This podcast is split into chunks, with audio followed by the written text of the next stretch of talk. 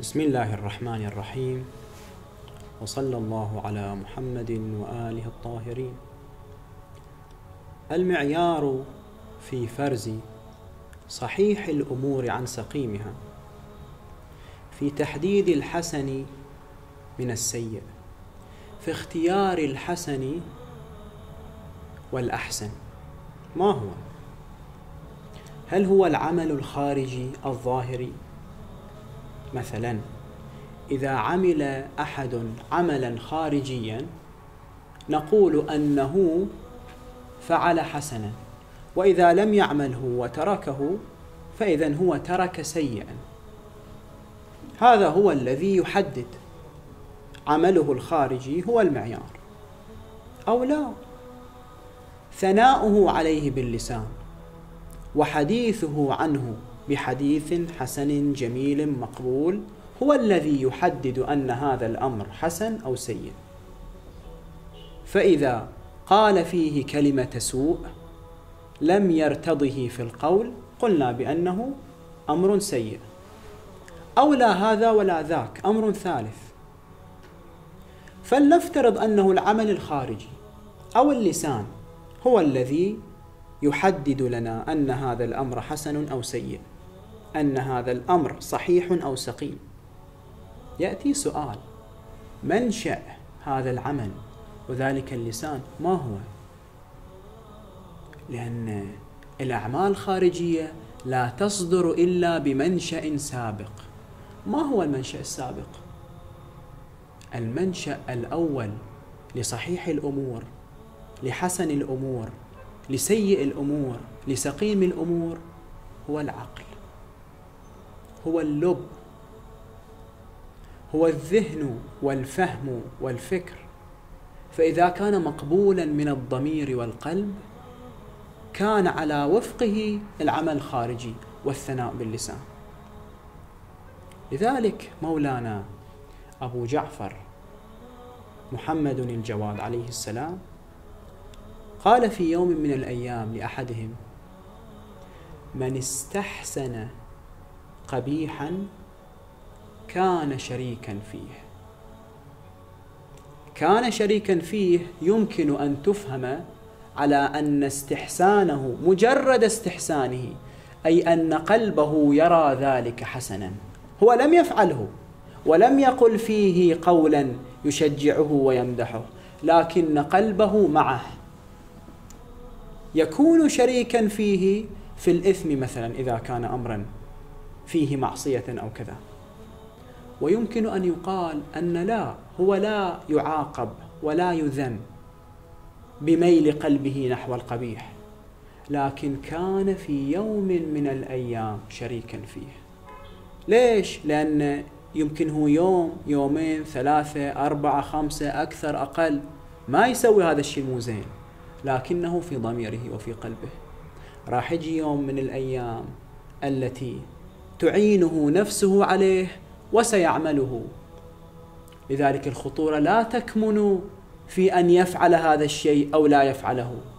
الخطورة تكمن في أنه بقلبه يرى هذا الشيء حسنا فيعمله أو يراه قبيحا فلا يعمله. في الرواية عن رسول الله صلى الله عليه وآله. قال كيف بكم إذا فسدت نساؤكم وفسق شبابكم؟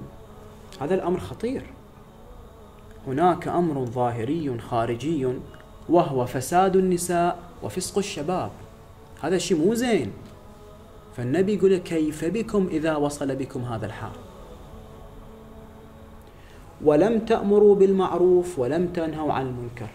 أصحابه صلى الله عليه وآله هم في غرابة من الأمر.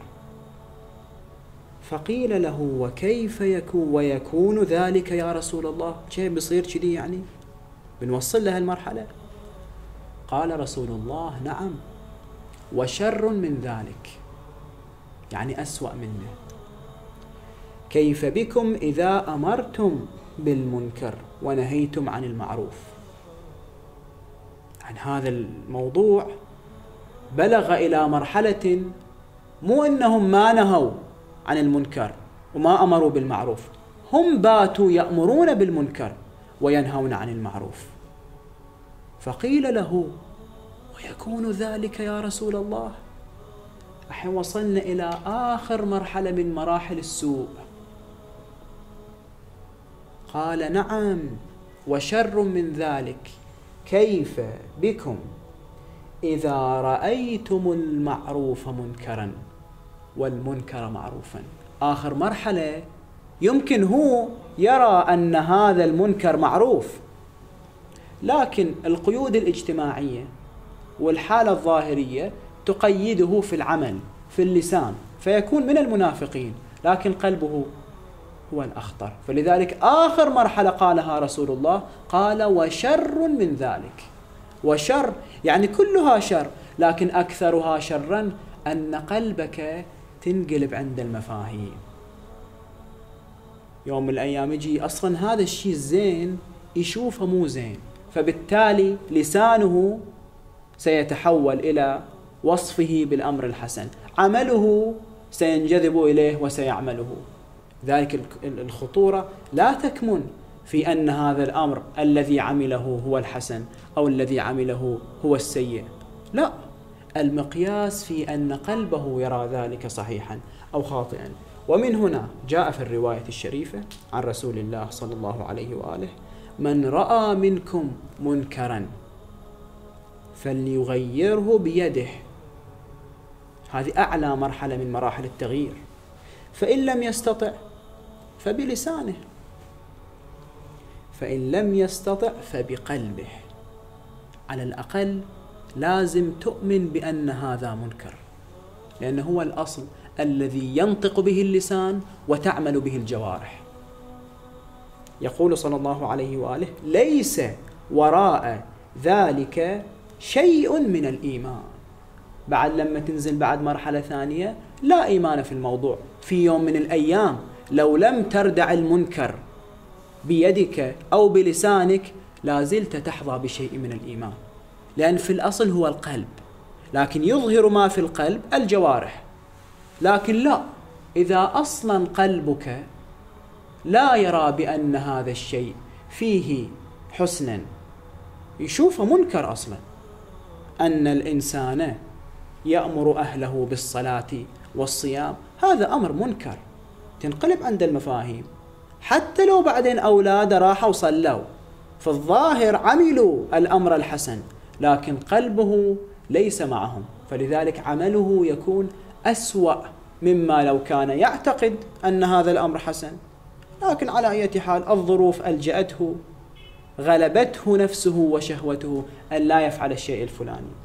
ومن هنا قال الباقر عليه السلام عندما أراد أن يبين بأن السنن التي ينبغي أن تتبع الطريقة التي ينبغي أن تتبع سواء على هذا الصعيد صعيد الإيمان والاعتقاد بهذه الأمور أو على أمر آخر ينبغي أن تكون سنة هدى ليست سنة ضلال.